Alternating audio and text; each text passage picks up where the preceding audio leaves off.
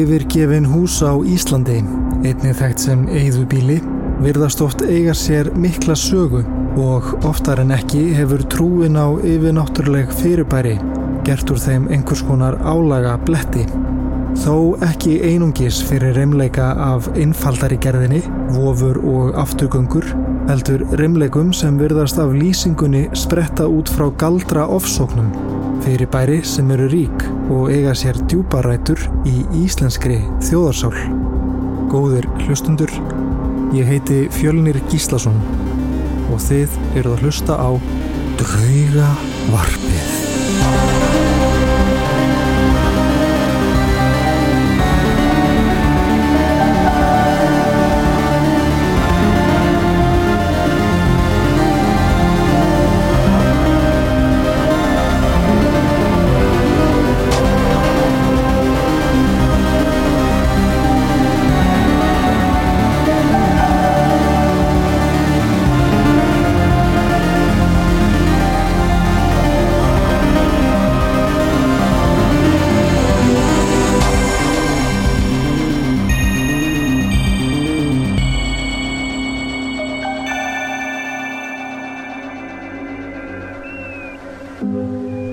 sveitum landsins er fjöldi eðibíla og yfirgefina íbúðrúsa sem mörg hver eru vel byggð og geima merka sögu.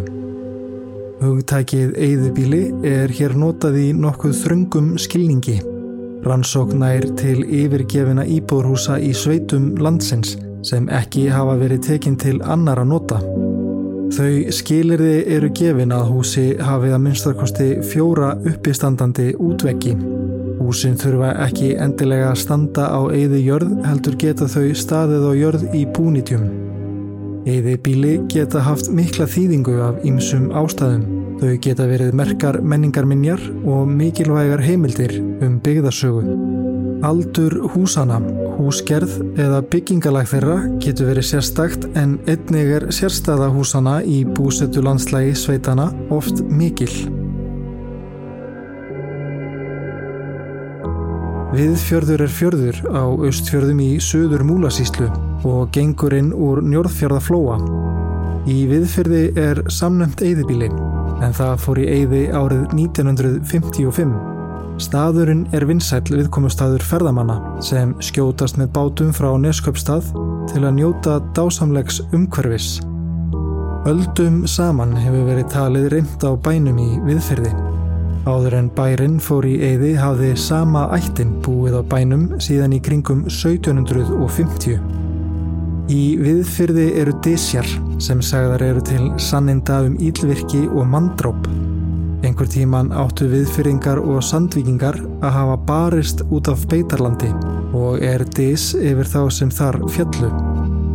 Í skarði milli viðfjörðar og reyðfjörðar er önnur dis og þar í eiga að vera bein nær 20 spánverja sem gengu á land og innfættir unnu á. Sagt er að skilt er hverjum þeim sem um skarðið fara eigi að kasta steini á dissina. Í nærlikjandi fjöllum og dölum hafast við vættir sem flestar sögur sína að eru heldur fjandsamlegar og eru kent ílverki sem þjóðsagnaritarar og aðrir hafa skráð. Í bókinni Viðfjörðar undrin eftir Þorberg Þorðarsson eru þær nokkrar skrautlegar sögurnar. Gott er að geta að sögurnar hafa mikið breyst og er sennilega ekki mikið mark á þeim þar sem þær hafa borist millir manna í dágóðan tíma áður en þær voru festar í letur.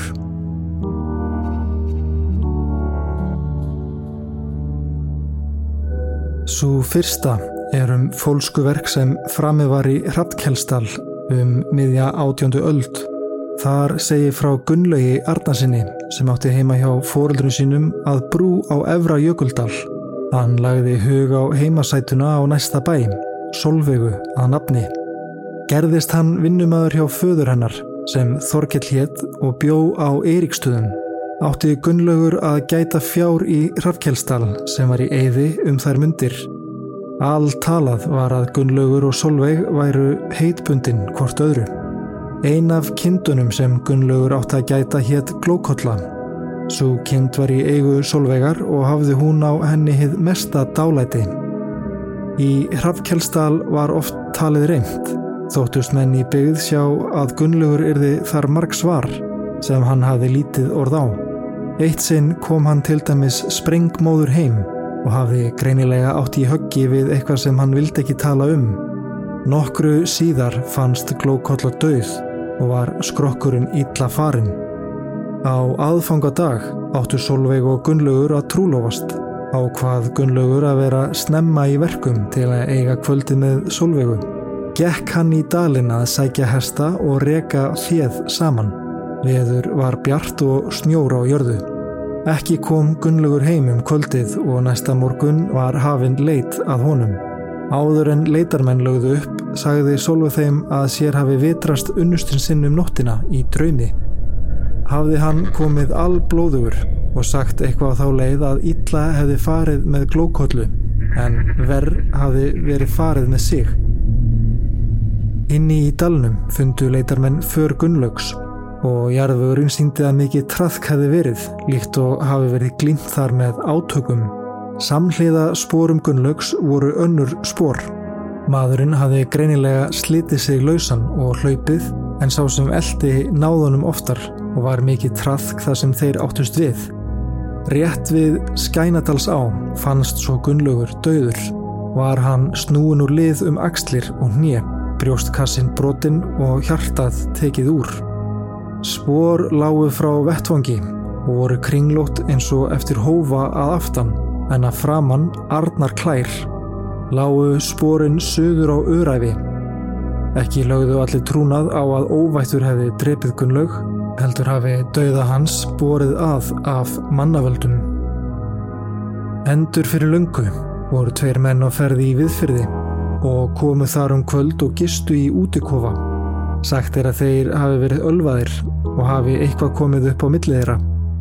Endaði það með því að annar drap hinn sem heitaðist við morðingjansinn og hótaði að hefna glæpsins eftir döðan vilja sumir rekja reymleika í viðfyrði til þeirra heitstrenginga.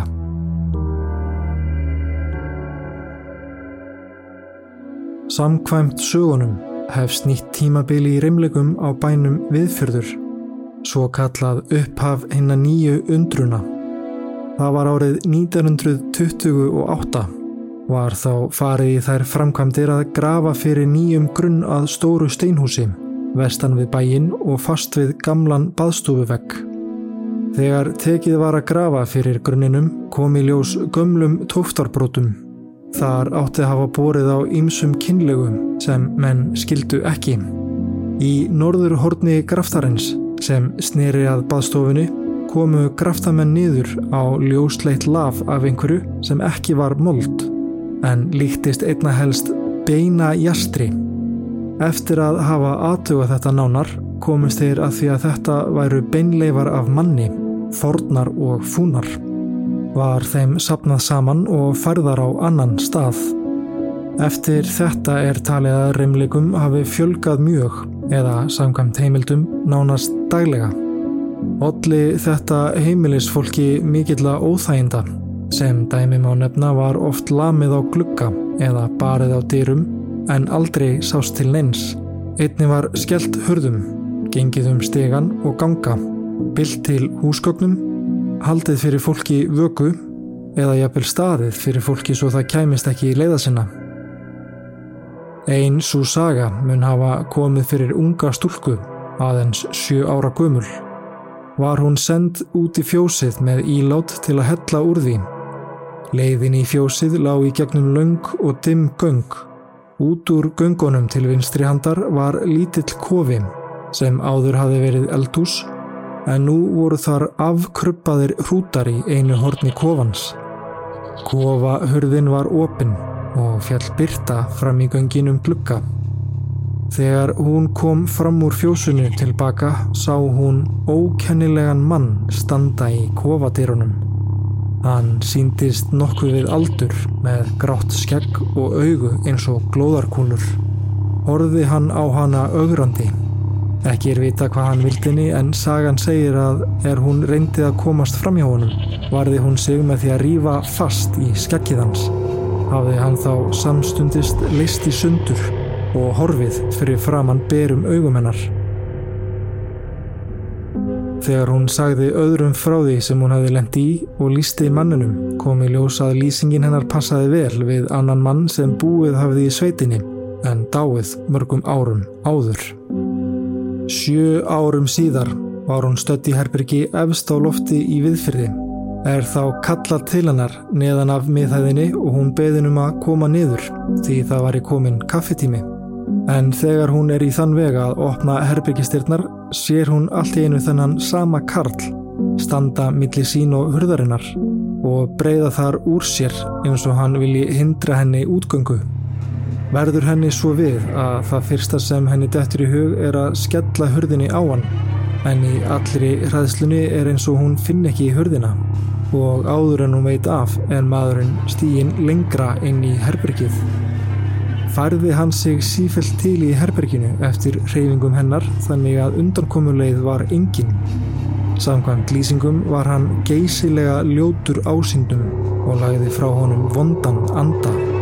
Sagan segir að þetta hafi staði næstum yfir í heilan klukkutíma eða þanga til að vinnukona sem kallað hafði hana í kaffi kemur upp og spyr hvernig á því standi að hún kom ekki niður. Hverfur þá maðurinn?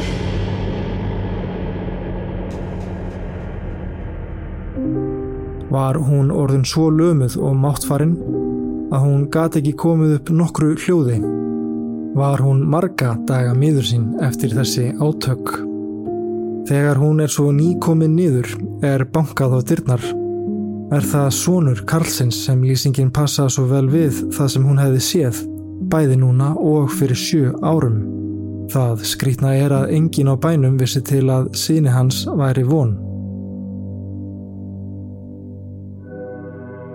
Þótt þessar sögur séu gamlar og eflust mikið íktar, þá er viðfjörðar undrin hverki nærri um garð gengin, eins og sjáum á frásögnum af miklum fyrirburði sem byrtist í frettablaðinu degi, förstudaginn 3. oktober 1997.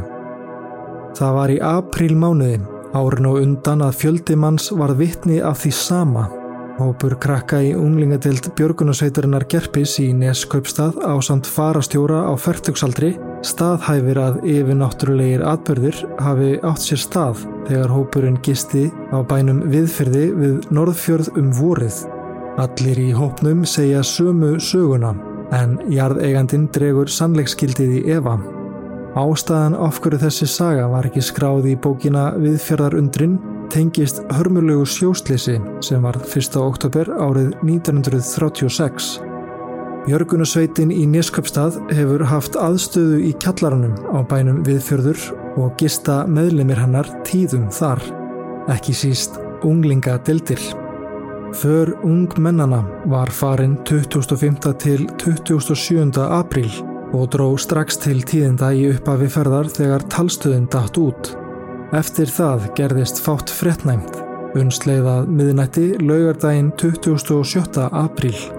Hópurinn hafði þá búið um sig og flest allir voru sopnaðir. Fararstjórin satt ástand öðrum í kjallarannum og skiptust þeir á drauga sögum. Lagði þá skindilega steikingar þef að vitum þeirra sem myndi mjög á kleinulikt.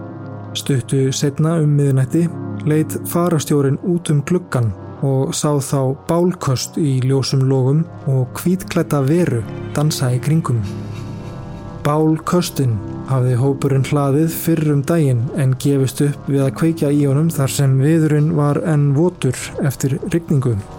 Til að sannfærast um að tvímenningarnir sæju ekki offsjónir vöktu þeir upp allan mannskapin og greip mikil skjelving um sig. Veran steg dansi um fjórar klukkustundir en hvarf svo í dögun. Þegar svepplausi hópurinn þorði loks út að kannamálið kom í ljósa að nánast ekkert sá á eldiviðinum eftir sex stunda brennu.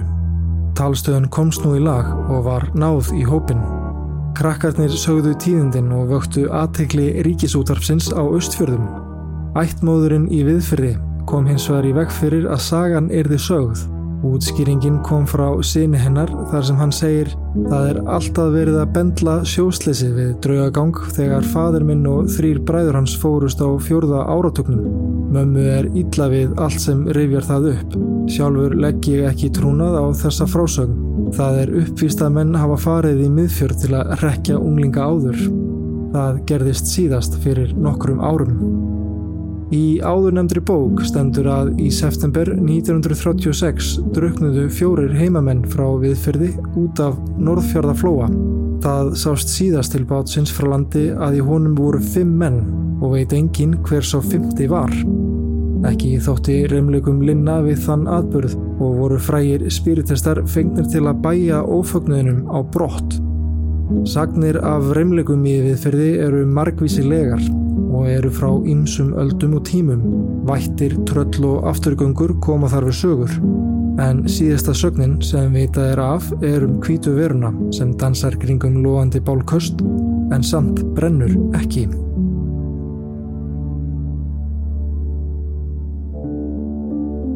Sagna þulir voru hér áður fyrir fólk sem sögður sögur og fóru jafnvel á milli bæja eða sögðu sögur á samkomum. Það er sögur sem sagðar eru af sagnaþölum skiptast í þjóðsögur og sagnir.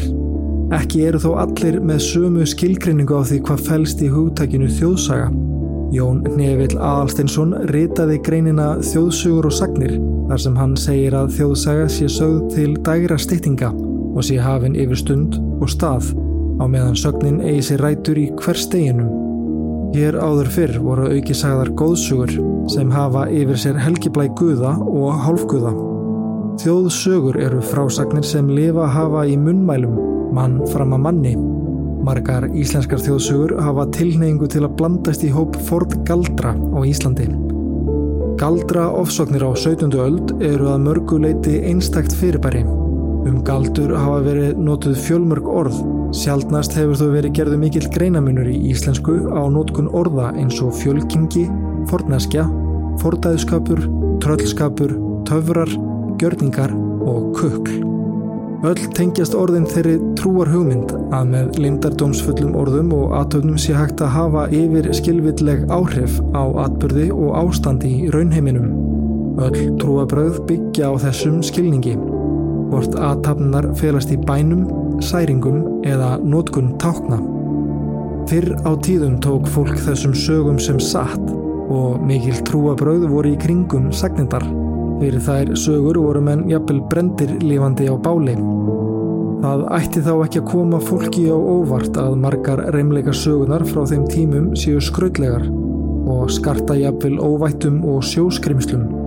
En allt eru þetta mikilvægar sögur í þjótrunni okkar sem ritað hafa tímalínu Íslandinga.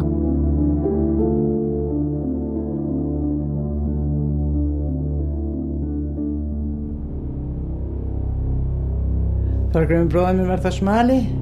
Það vantaði eitt kvöldi kindur og við vorum að higgja þeim á nýjir fjörina. Hann fór, ég fór hann í húsatóru svo kallaða og higgði þar í hjá klungurinu og hviti fyndir allunar en hann fór, fór, græn, fór grænhafðan og, og fór niður það skriðunar og kallar í mig þú fyrir ekki lengra fríða. Ég fyrir þá að higgja og ég sé það að það eru kindur hann að sögur í fjörinni en það er eitthvað skeppna á starfi við kálp sem er að hamast innan fjör og það eru hlaupa eins og undan þessu. Og Grímur segir að þetta það sé einhver skeppna það hann, og hann grýpar hann einhver ónótt og hann vil ekki færi lengra. Það er nú eina sem ég vona var við úr sjó. En ég heyri, hef heilt margar sögur um svona atbyrðu að menn sem hafa sagt mér það sjálfur sem þeir hafa vorið fyrir því. Sem þeir hafa vorið fyrir, já. Já, já. Það var að vorið til. Það hafa búið að láta út með beljurnar og þær voru reknar alltaf hreint og hann að sjó og hann að þennan hefðu það og og ég er að og það kýtnar vanileg og, og ég er vel lega til því og ég er að fara með það þennan morgun og nettið og þegar ég kem og hún og höfna þá heyr ég það að það heyr ég einhver bauðs og ég fyrir að að hlusta og higgja eftir þess og vel leti fram á sjóin og þá sé ég það þrjú dýr sem koma hvert og eftir öðru utan sjóin og stefni í söður átt og synda svona stutt fyrir framann hefðun og ég sé þau alveg svo greinilega því það er synd, synda svo bara í svo fjöl ofan á sést allir skrokkurinn og voru hodnótt þau voru öll hodnótt Við gerð þáttarins voru heimildir notaðar úr Viðfjarðar undrin eftir Þorberg Þórðarsson, fréttablaðið Dagur 3. og 24. oktober árið 1997 og sagnaþulir í samtímanum eftir Hörpu Magnadóttur.